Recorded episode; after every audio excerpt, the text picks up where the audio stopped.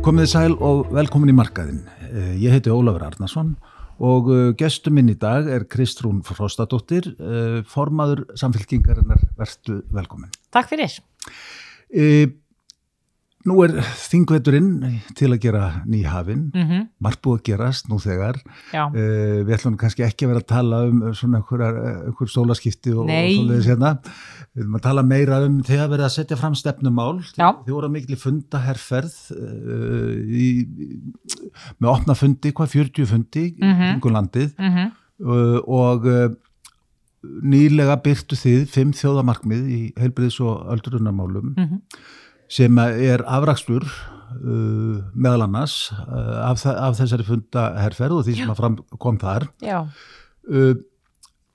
það það, það komið fram gaggríni á eitthvað tillögur eins og náttúrulega við erum að búast Mhm. við erum búast Já, já. Uh, það er gaggrínt að þetta sé mjög kostnaða samt og munum fylgir sér mikla skattahekkanir Mm -hmm. Hverju svarar þú uh, því? Er, er stefna samfélkingarinnar uh, gengur hún út á uh, það öðru fremur að hækka skatta?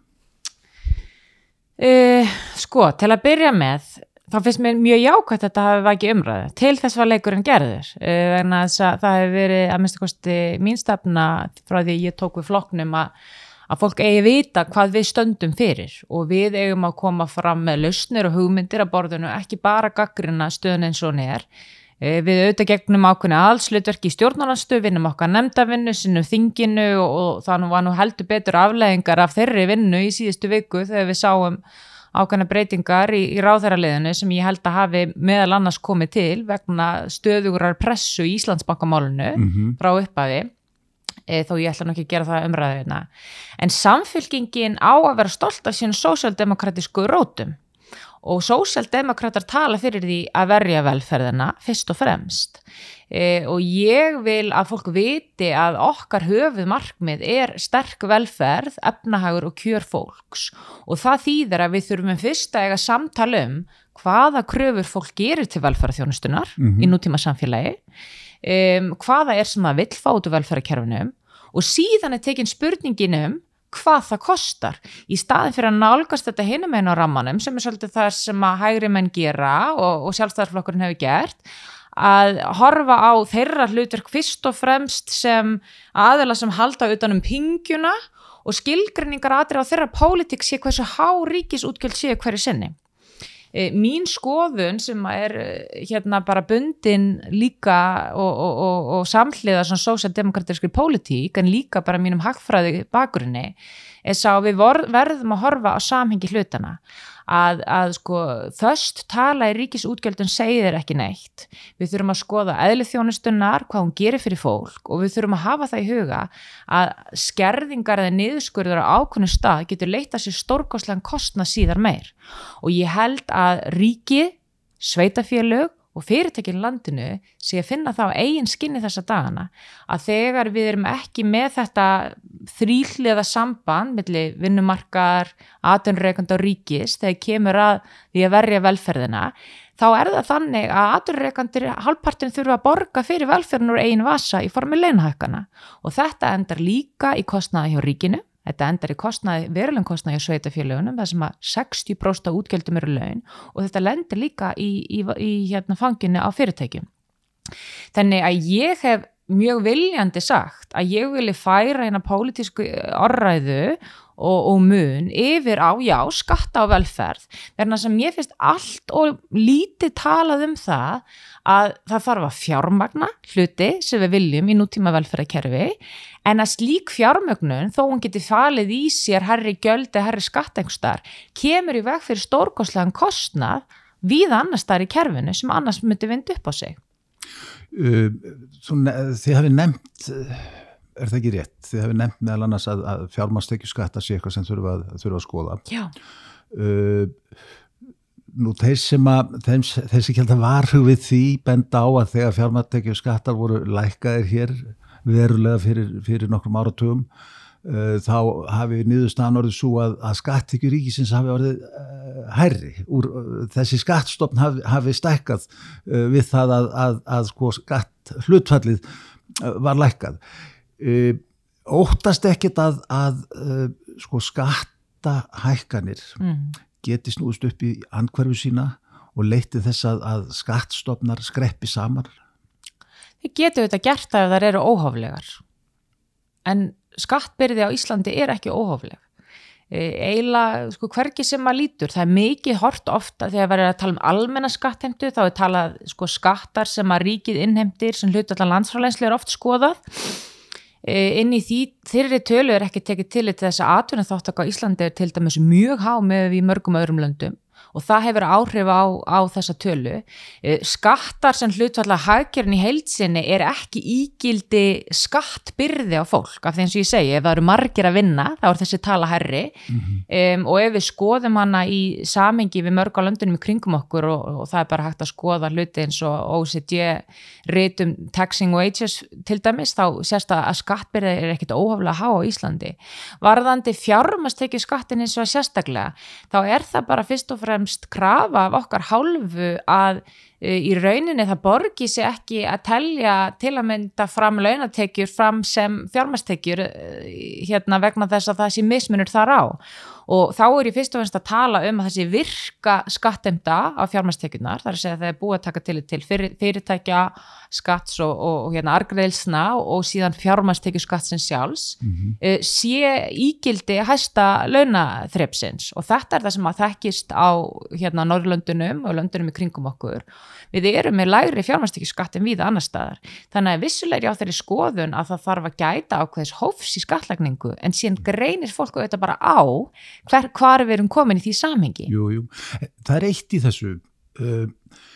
að því nú er, nú er svona, má segja, skattkerfið á Íslandi eða svona hér raunverulega skattkerfi mm -hmm. sýtti aldrei frábriði því sem er í löndum uh, sem við uh, berum okkur sama við eins og hinn Norðurlöndunum og, og, og Evrópu uh, vegna sem við erum öðruðs í lífeyrissjóðskerfi mm -hmm. og, og uh, það eru, það eru sagt, þau framlög sem fara í lífeyrissjóð uh, hér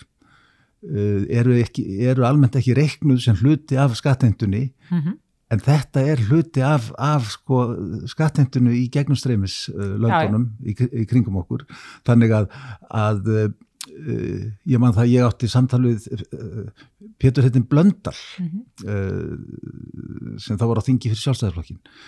sem var nú alltaf mikið talsmaður talsmaður lára skatta og, og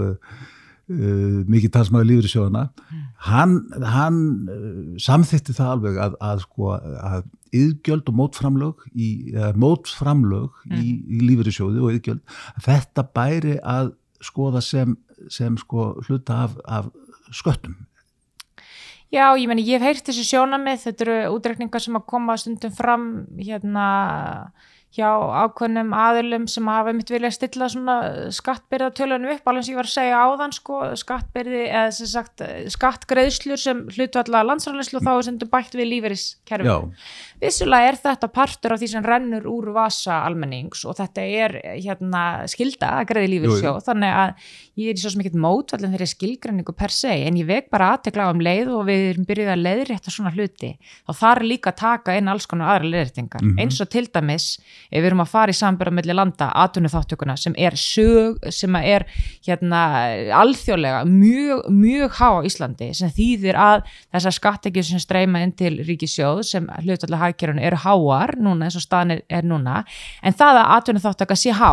þýðir líka að það meiri krafa um annars konar útgjaldamóti í umönnun hérna, dagvistun og þess aftar, þannig að við þurfum að hafa í, í huga, það eru tvær hliðar á þeim penning mm -hmm. um, en síðan langar mig líka benda í því samengi að sko e, þá að löndin í kringum okkur sem séu með meira gegnumstreymi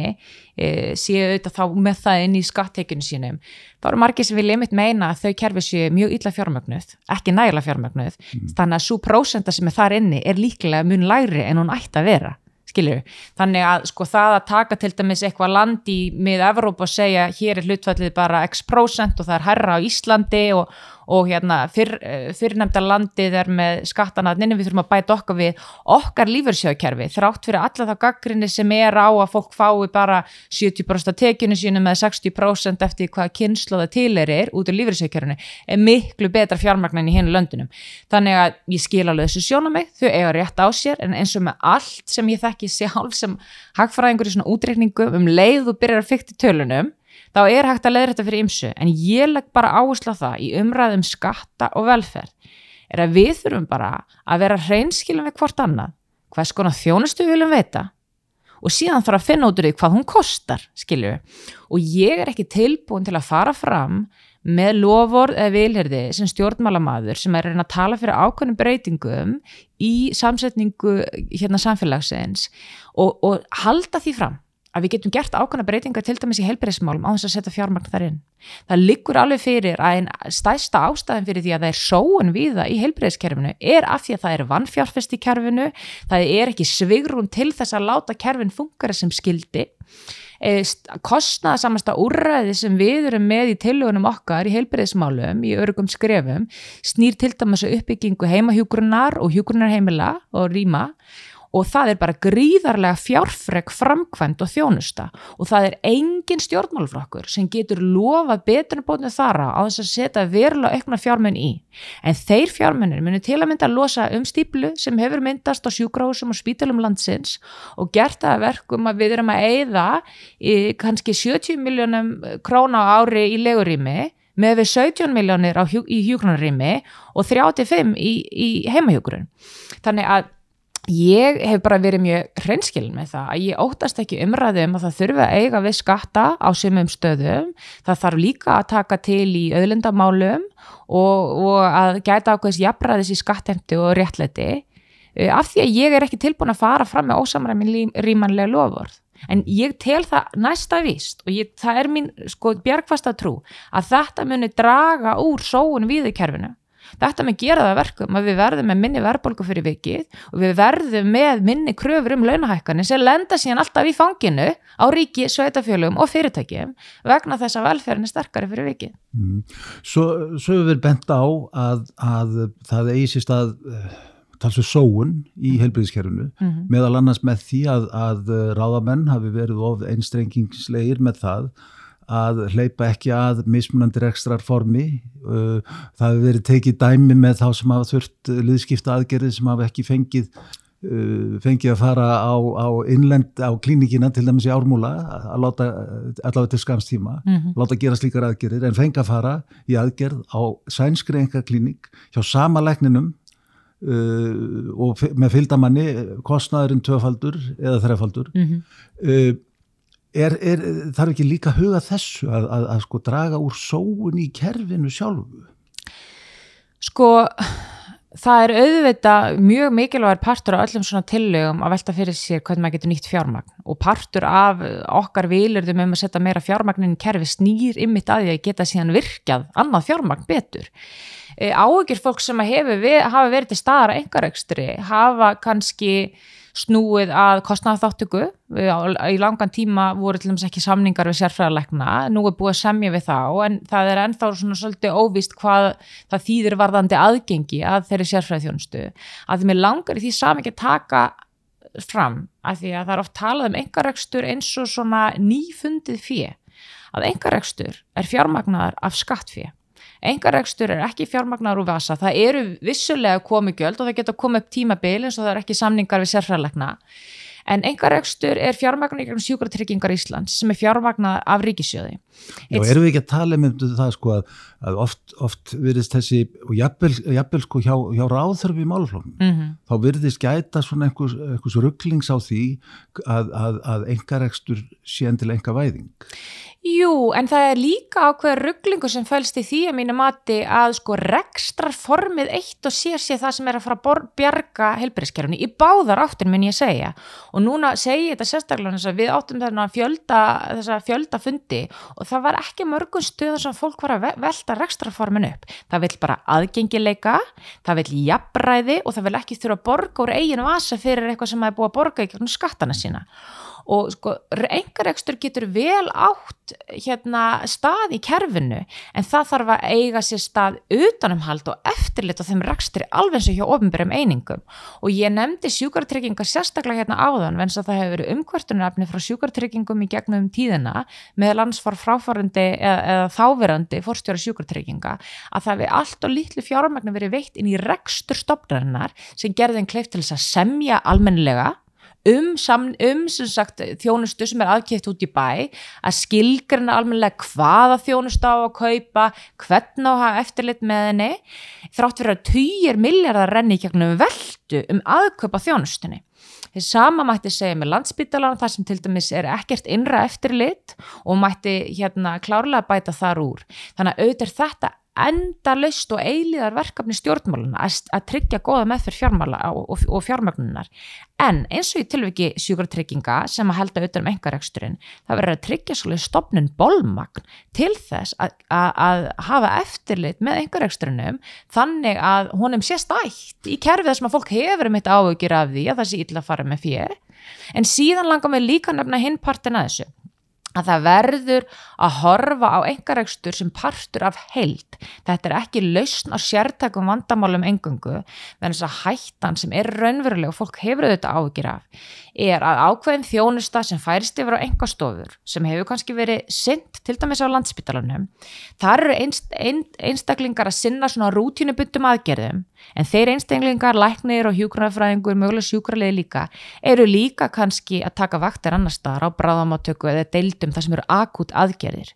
Og það er ákveð mönnunar vandi sem þarf að passa upp á þarna að það sóist ekki starfsfólk bara í rútinubundnar aðgerðir sem að búi síðan til stíplu og mönnunavanda til dæmis að bráðamátökunni og þessuna þurfa þeir sem að sjá um allt heilbriðskerfið heilbriðsráðandi, heilbriðsráðara að vera með yfirsýn og í tillögunum okkar sem snýri að rekstraformi þá útilokuðu við ekkert enga rekstur frekar en ofnbæra rekstur, við segjum bara það þarf að vera samræma á milli útbóða, e, það þarf að vera rætt við spítala um útbóða ákveðnum aðgerðum til þess að tryggja að það graf ekki undan getur til að sinna akut þjónustu mm -hmm. og það þarf að tryggja að stopnarnir eins og landsspítalinn séu með einra eftirlit og sjúkratryggingar séu með þetta rekstrar bólmag til þess að sinna eftirliti mm -hmm. uh, Verður þetta stærsta áherslumál samfélkingarinnar? Nú uh, vitum við að, að kjörtningabilið er að minnst ákosti hálnað. Já. Uh, verður, þetta, verður, verður þessi málaflokkur, þessi málaflokkar, verður þetta stóru málaflokkarnir eða, eða eigið eftir að komi fleiri útspill þjóðamarkmið mm -hmm. í mhm. fleiri málaflokkum? Við vorum með flokkstjórnafund uh, hérna núna síðasta lögadag þar sem við vorum svona kannski að ljúka þessum kapla sem snýra heilbreyðismálunum e, þetta er auðvitað vinna sem við munum halda lofti út kjörtímabilið en við vorum að setja í gang annan fasa í málumstarfinu sem er atvinnumál og samgöngur og þar sem við vorum að tala um mikilvægi þess að vera með öflugan ramma Eh, tölum fyrir frelsi með ábyrð að segja, þú veist ábyrg gagvart samfélagi og náttúru og auðvitað í, í andakkar jafnamanna gagvart fólki sem að stendur höllum fæti. Um, og þannig að atvinnumálinn munum koma inn núna og verða fókus hjá okkur þar sem við ætlum að reyna með skýra rammu í kringu það. Og síðan er þriðjifasin sem er húsnaðis og kjaramál eftir, eftir áramót. Þannig að þessir þrýr flokkar af málumnum má, má segja verði aðal fókusin, heilbyrðismál eru þetta málflokkur sem við byrjum með af ástæðu verðan sem við vildum hafa nægan tíma til að sinna því. Mm -hmm. og þetta er málflokkur sem við völdum bæði út frá bara okkar grunnstefnu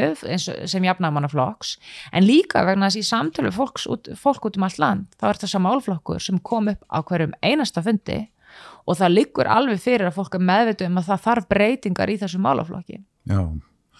Uh, ef við horfum bara á sko, bara horfum á hagkerfi, horfum á, á efnahagslífið, mm -hmm. þá náttúrulega erum við uh,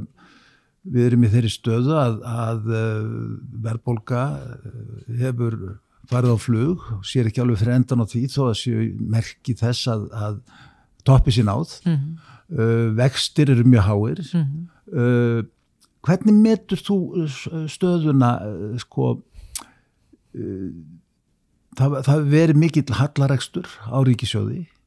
og hallaregsturinn hefur haldið áfram í, í blúsandi hagvexti og blúsandi, blúsandi góðari e, er, er, hefðu þið hefðu þið farið öðruvís að? Hefðu þið stíð á bremsuna? Hvar hefðu þið stíð á bremsuna? Já, ég hugsa að við hefum farið öðru í sað. Það er auðvitað auðvelt að, að vera svona í baksínuspeglinum, við erum að koma út úr erfið tímabili í COVID og, og hérna, þó maður hafi getað gaggrið einstakka þætti þar. Ég var eh, kannski sérstaklega ósátt við hversu mikla pressu var sett á selabankan að, að, að snúa efnarslífinu við og þurfa síðan að snúa því hratt aftur niður Eh, ég var mikill gaggrinandi á sínum tíma þessar röðu vakstalækana, þetta var áðun ég fór í pólitík og það þóttu nú ekkert vinsalt sjóna mið um, en nefndi í því samingi alveg eins og ég er að nefna núna varandi vaksta hækkanir að þetta er eitt breyðasta tól sem er hægt að nota og einfaldasta tól sem gera verkum að allir fá stuðning eða eins og núna allir fá skell. Já. og er til þess fallið að hafa mikil áhrif til dæmis á eignamarkaði sem reyndist síðan raunin Uh, ég hefði uh, alltaf farið mjög varli í að breyta tekjul í ríkisjóð sem var gert á sínum tíma. Mm. Það var samið um verulegar breytingar á sköttum uh, í kringum 2018-2019 Um, og sko svo ég vitna nú bara til að orða sýstuflokka minna í Danmörku og við á Norrlundunum ég menna sósjaldemokrater hefðu frekar varið velferðina en að fara í þessar skattabreitingar mm -hmm. uh, og það er mín skoðun að ef við hefðum í staðin fyrir að taka 50, 60, hátt í 70 miljardar sem að þetta matferðum svolítið eftir hvernig þú tala við út úr tekjulir ríkisjóðs með skatta og gjaldabreitingum um, þá hef, hefði sá peningur verið eftir til þess til dæmis að fjárfesta í heilbriðskerfinu, til þess að styðja betur við húsnæðismálinn, til þess að styrkja almannatryggingakerfið, batnabætur, vakstabætur, þá væru við ekki þeirri stöðu að fá trekk í trekk e, yfir okkur svona ákveðna klemmu í aðranda kjærasamninga e, sem að leiðir oftar en ekki til þess því miður að við fáum almennari launahækkanir en fólk oft vil samjum og skilar sér síðan í ákunum vítarring þar sem að göld mögulega hækka hjá sumum fyrirtækjum sem eru aðþrengdar en önnur. Uh, og þá er ég fyrst og fremst að hugsa um lítil og meðalstór fyrirtæki sem að reyka sig ekki í erlendu gjaldmiðlum, erum ekki með erlend starfsfólk á, á, hérna, á alþjóðu vísu heldur bara operera eða starfa í íslensku hagkerfi og þetta er þetta samhengi sem ég þreytist ekki á að minnast á að öll þessi umræða um skattalækkanur og hún skilir sér svo mikið fyrir hinn almenna Íslending. Sko það skiptir auðvitað bara máli í fyrsta lagi hvar skattabreitingar eiga sér stað á kurvinni og í öðru legi ef þær verða til þess að veikja velferðina veikja húsnaðistuðning, veika barnabætur, veikja vakstabætur, veikja heilbreyðstjónustu, auka greiðslu þáttöku og skapa frustrasjón, pyrring og örvendingu þá leitar þetta bara út í velferðarkerfi sem er fjármagnaða aturreikundum annar staðar og skila sér í miklu almennari hækkunum og við fáum þetta aftur í fangið. Og þetta er það sem að löndin í kringum okkur sem hefur verið stýrt að sósjaldemokrautum í lengri, lengri tíma hafa lært að til þess að fá stöðuleika á vinnumarkaði og, og minni árshækkanir í launum þá þarf þetta að vera með öflugt velferðarkerfi og þar er skattberið með öðrum hætt en hér. Þannig að þetta er grundvallar pólitískur munur já, sem ég myndi segja að sé á samfélkingunni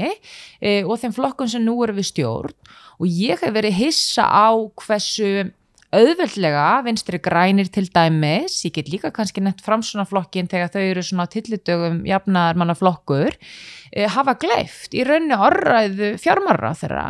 e, og, er, og stæra sig af þeim skattalækkunum sem voru hér á sínum tíma, vitandi það að þetta var allt saman ófjármagnað sem gerði það meðlansaverkum að við erum með ígildi þessar skattalækkuna núna í Halla á ríkisjóði og hefur þar með talið líka ítt undir verbulgu Þannig að þessi stefna hefur verið verðbólgu kveitindi bæði þeim skilningi að hún hefur gert að verkum að það hefur verið halláríkisjóði en líka með að grafa undir styrk, undan styrk velferðarkerfi sem svo skapa spennu á vinnumarkaðu og gagvart aðtunurreikundu. Mm -hmm. um, eitt af þessi vakti mikla aðtikli þegar þú tókst uh, við sem formaða samfélkingarinnar var að þú dróst ákveði stryk í sandin þú, uh, aðilda ESB hafi verið uh, mikið forgangsmál uh, á stefnusgrá uh, samfélkingarinnar þú tókst það út af út úr forgangi mm -hmm. og sagðir að, að efnislega að, að það þurfti að einbeta sér að þeim málun sem að sko nú brenna uh, og uh, aðild að, að ESB væri meira langtíma mál mm -hmm. Uh, þetta hefur verið gaggrínt uh, Þorstein Pálsson hefur sérstaklega beint gaggríni að samfélkingunni mm -hmm. uh, hann, hefur, hann hefur sagt hann hefur talað um að, að grunnvandin hér sé, sé þessi grunnskekkja í hagkerfinu sem, að, sem er að þrátt fyrir að íslenski ríkisjóðurinn sé miklu minna skuldsettur sem Mhm. hlut allaf af, af þjóðaframlegslu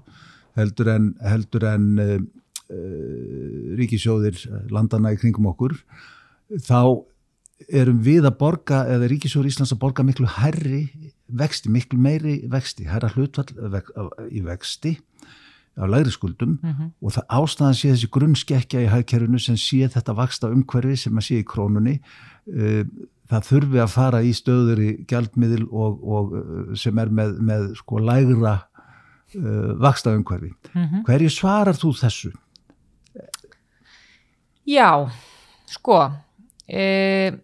ég til að aðelda Európa-sambandinu að snúast um bara, meira en bara gjaldmiðlamál og vakstamál. Mér finnst það skipta alveg ótrúlega miklu máli að fólk átti sig á því að ef við tökum upp annan gjaldmiðil þá er ég þeirra skoðunar að það þurfa að vera gegnum Európa-sambandið. Ég er ekki hlind einhliða upptöku á gjaldmiðli Uh, og ætla svo sem kannski ekki að fara út í smáadrein því tengd en, en tek bara undir þau sjónamið sem hafa komið fram í, í því Þú samingi ert að segja náttúrulega þar að, að, að, það, er, að það sé óráðlegt að fara í að taka upp gjaldmiðil öðruvísin að það sé fullu skjóli seðlabanka þess eh, gjaldmiðil Já. svo fullu samkomulagi Nákvæmlega, vegna þess að það að taka upp einhlega gjaldmiðli er ígildi þess að vera með fastgengistefnu sem Ísland var með fyrir 1993 fastgengistefnu sem við þurftum að rjúfa vegna þess að við gengum inn í EES og það var frjálst flæði fjármaks hér á milli. Um, og gerða verkum að það var erfiðar að stýra gjaldrismarkanum og ef þú ert með uh, tekur einhlega upp hérna með, þá ert í raunni bara að festa gengið og kalla krónuna eitthvað annað. Uh, og við þurfum að vera með stuðning frá Evróska Særabankan til þess að gera það. Og mína mati er það eina leiðin til að gera þetta. Um, sko hvar á ég byrja í umræðum um vexti e, mér langar fyrst að tala eins um hvert þessar vakstagreislur fara mm -hmm. 84 eða 5% af skuldum ríkisjóðs eru í íslenskum krónum Sest bara 15% eitthvað svo leiðis allan að samkvæmt nýjustu lánamálum ríkisins eru í erlendum gjaldmiðli. Af þessum innlendu skuldum sem er langstæsti hluti skulda erum 4% í eigu erlendra aðila. Þannig að yfirgnæfandi meirluti alla vakstakreisla sem ríki greiðir er til annara Íslandinga.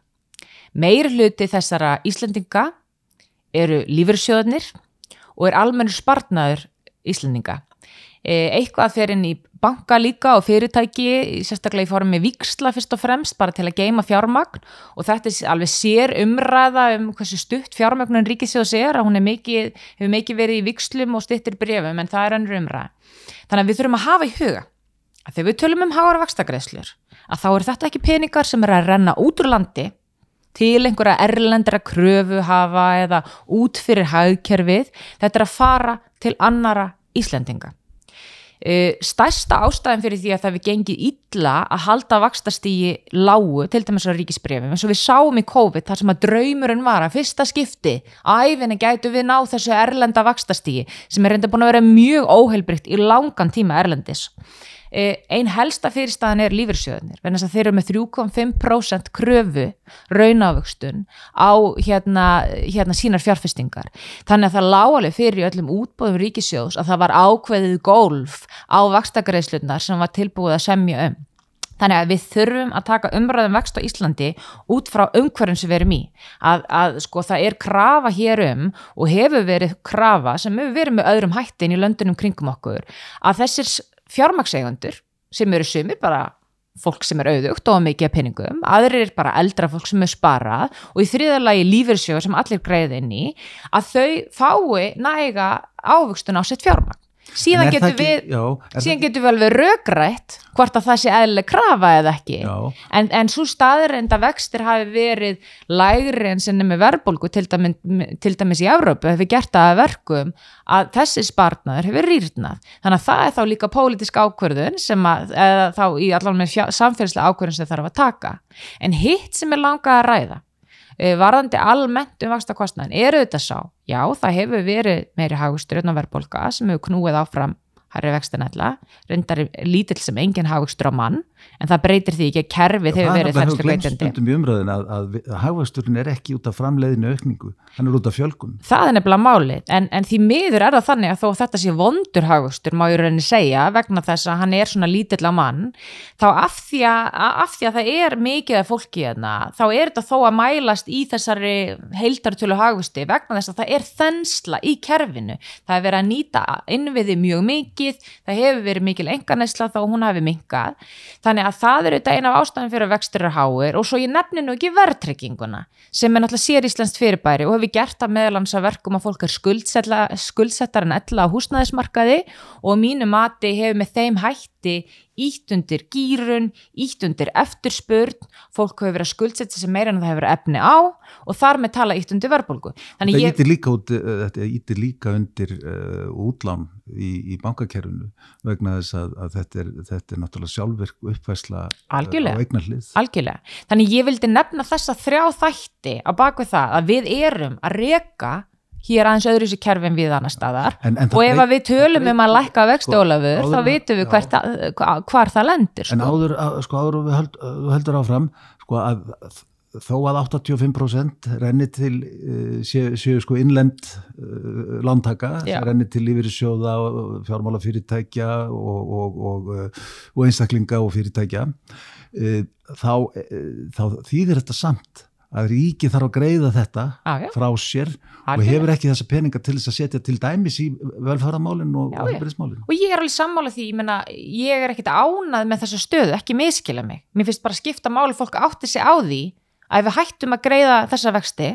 skilju, þá er ykkur annar sem tapar á því og það er alltaf lægi, við getum alveg tekið það ákverðun, en þannig er það að þá erum við að minka vakstakreislir annað. Það sem ég vildi þó segja um þessa stöðu varandi gjaldmiðlin og hvert vakstastið ætti að vera og hvar ég myndi gætna hann vilja sjá það og hvort að það verði bara leist með gjaldmiðlinum.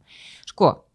ég hef verið lind Europasambands engögu uh, af miklu fleiri ástæðum en gjaldmiðla ástæðum. Uh, þetta snýst bara um sko menningu, pólitík, hvar þú tilherir að vera partur af starra kerfi, geta tekið ákvarðanir um ymsa þætti til að mynda sem er erfæri fyrir okkur í ES.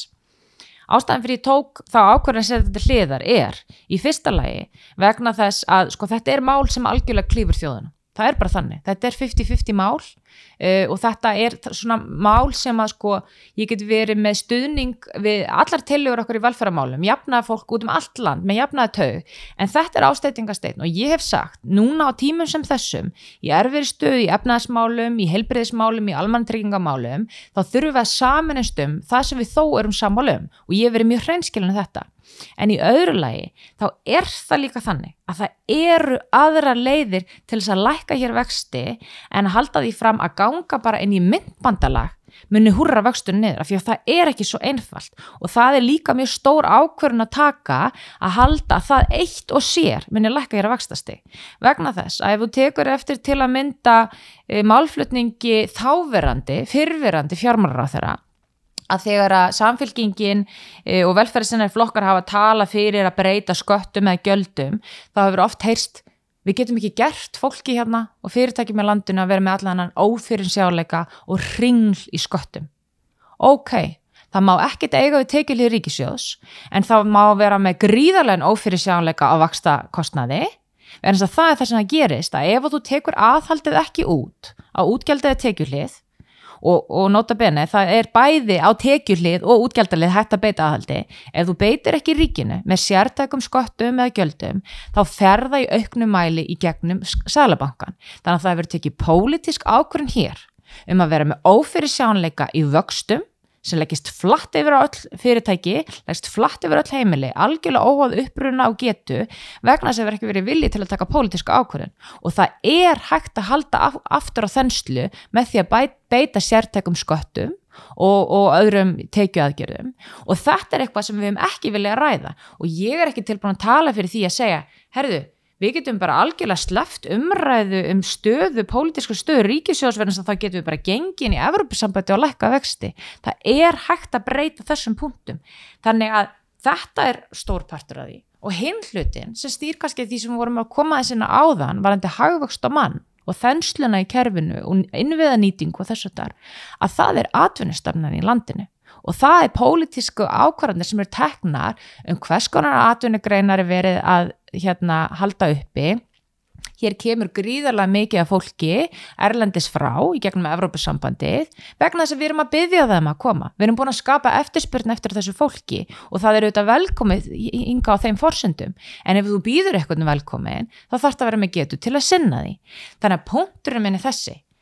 Háir vextir eru líka komnir til vegna þess að verki verið tekið ákvörðin í pólitíkin um, um að beita ríkisfjármálunum í staðin fyrir að vexta stafni beitt og verðan að við hefum verið að reyka hagkerfið heitt á ákvæðinu sviðum sem er skapað þenslu.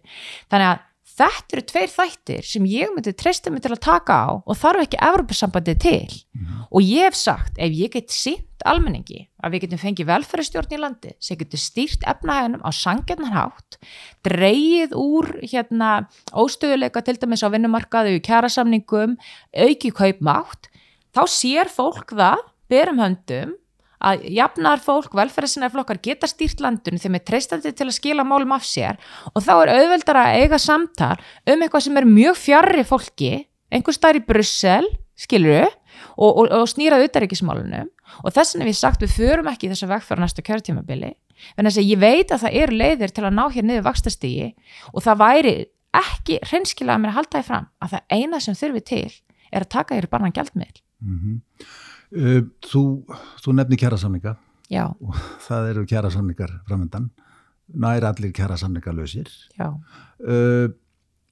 við náttúrulega sjáum hvað hvað þessi rússipannareið í vakstamálum Já. hvað áhrif hún hefur haft. Nú er hér mikill fjöldi heimila eða fjölskyldna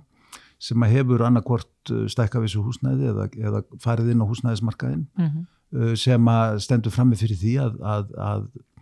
annarkvort hafa vextir hækkað nú þegar á, á óvertriðu lánum. Já. nú þeir eru reynda líka að hækka vertriðum uh,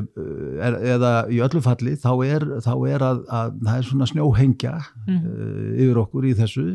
Uh, og þessi festu vext í tiltekinn tíma þrjú ársegjum standa núna frammi fyrir því á næstu örfáamissurum þá, þá munu hækka með vextir og afborgan er hækka, þetta eru, þetta eru 20.000, jafnvel 100.000 á mánuði hjá bara venjulegu fólki.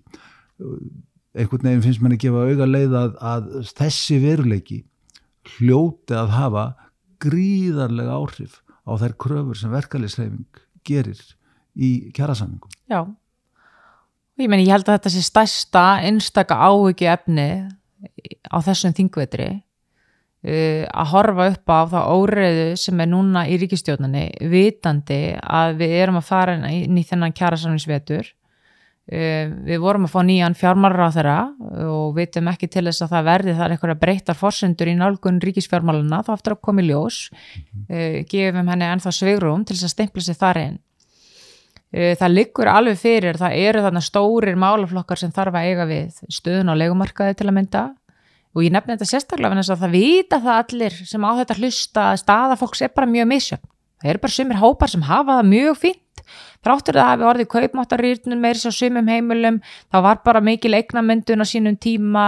um, eða fólk hefur haft bara ágætið svigrum undan fötnum árum. En það eru alls ekki allir þeirri stöðu. Nei. og þess vegna þegar það tekin ekki, ekki engan vegin, það er bara þannig. Og það átt að segja allir á því að þegar það er talað um að kaupmáttur hefur dreist saman núna fjóra ársferðinga í röð um, það verðist hafa verið kaupmáttar líka í fyrra sem var uppaflega gefið til kynna væri ekki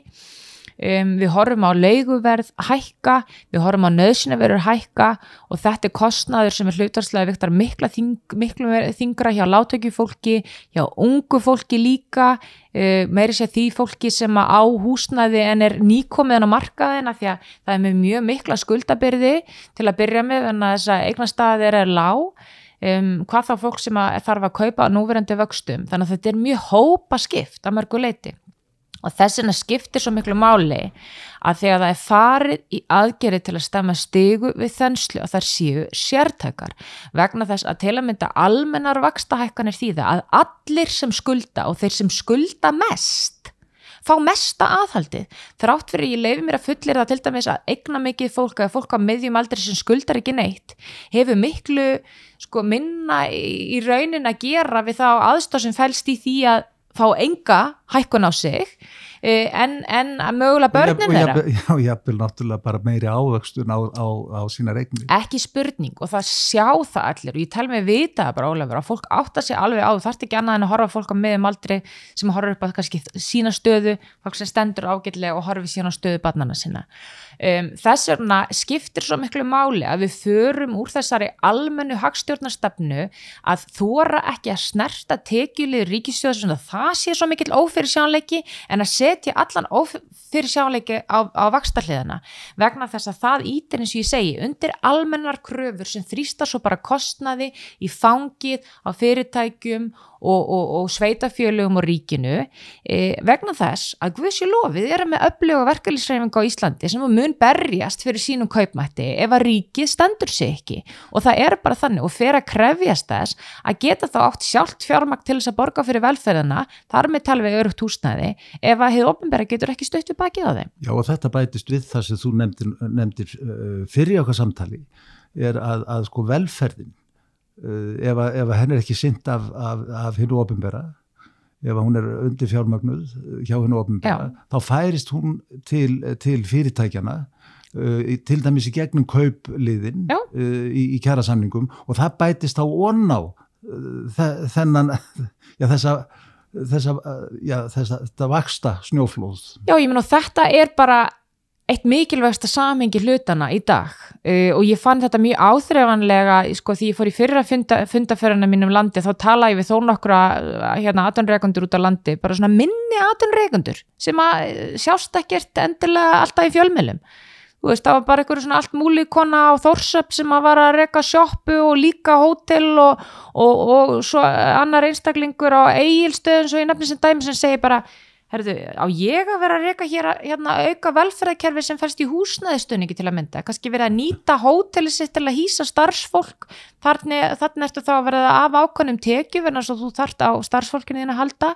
Um, margir af þessum einstaklingum til að mynda sérstaklega í hennum dreifri byggðum er að borga til dæmis undir ferðarkostnað fyrir fólk til að sækja sér læknistjónustu, sjúkraþjónustu, verðan að þess að fólk verður fyrir tekjutæpi sem er ekki bætt upp og flest er þessari aðtunreikandi standa bara með sínu fólki. Svona hlutir lenda auðvita í fanginu á minni fyrirtækjum, hlutvarslega þingra en starri fyrirtækjum ef að ríki stendur sér ekki og það er þetta sami í slutana sem er svo ofbáslega mikilvægt þegar við tölum um báknið og velferðina og skattahækanu og allt þetta er að sko við erum í hagkerfi og samfélagi þar sem við erum með í kringu 90% verkarlýðsfélags aðeld sem gera verkum að fólk mun berjast fyrir kaupmættu sína eins og ég segi Guðsjölu, í ofanálag erum við líka í samfélagi þar sem fólk gerir bara mjög háar kröfu til velferðarþjónustu. Þannig að ef ríki stendur ekki sína pleikt þá kemur þetta annar staðar að þessin er svo mikilvægt að í staðin fyrir að vera alltaf bregðast eftir að við með einhverjum panik aðgerðum að við værum með heildar mynd í velferðamálum hérna sem að fæli í sér upplugt barnabótakerfi sem þýtti á tímum sem þessum þá myndi barnafólk ekki þurfa að líða fyrir kaupmáttarskerðingar verðan þess að þau eru með starri heimili, matarinköp þurfa að eiga starri húsnæði. Við værum með upplugra vakstabótakerfi sko ég er í grunninn ekkert hrifin af vakstabótakerfinu, það þýðir ekkert annað niðurgreðsla á vöxtum til banka, en þegar þú hefur ekki staðið í uppbyggingu húsnæðis á félagslegum grunni sem heldur aftur af gífurlegum leguvershækkunum, sem heldur aftur af kaupershækkunum, þá getur ekki bara sagt við fólk, herðu við erum að fara að byggja þessa tíu stípuður, byttu bara þar til húsnæðis verð lækkar. Í dag eru að borga út í kringum 2 miljardar í vakstabætur ári, 2010 var þetta í kringum 14 miljardar á verðlagi sko dagsins í dag og, og, og þess. Þannig að þessi kerfi eru hvorki fuggl nýja fiskur og þetta er ástæðin fyrir því að það er þessi spenna til staðar í kerfinu. Þetta verður bara leist með sértekum aðgjörðum. Það er það sem við munum tala fyrir núna í fjárlögunum í haust áfram kjarapakki sem er fjármagnaðar batnabætur, fjármagnaðar húsnæðisbætur, fjármagnaðar vakstabætur veist, við, og við viljum taka á þessu með því að fjármagna þetta þar sem að svigurum er í fjármags, hérna á fjármagsliðinni líka, við erum að sjá með arsem í sjárótvegi og stærstu fyrirtekinum, það eru leiður álafur til þess að gera þetta, til að koma í vekk fyrir þrýstingi kjærasamningum en þetta eru pjúra pólitískar ákvarðanir og það er miklu auðvöldara að kenna Sælabankanum um skilju og leifa þeim bara að hækka uppur öllu vald en að taka ákvarðan sjálft sko. Kristrún Frostadóttir uh, við komumst ekki lengra í dag. Þetta er búið að vera mjög ánægilegt spjall og upplýsandi. Þakka þið fyrir komuna. Takk fyrir mig. Góður hlustendur uh, ég kveða sinni. Við heyrumst aftur í næstu viku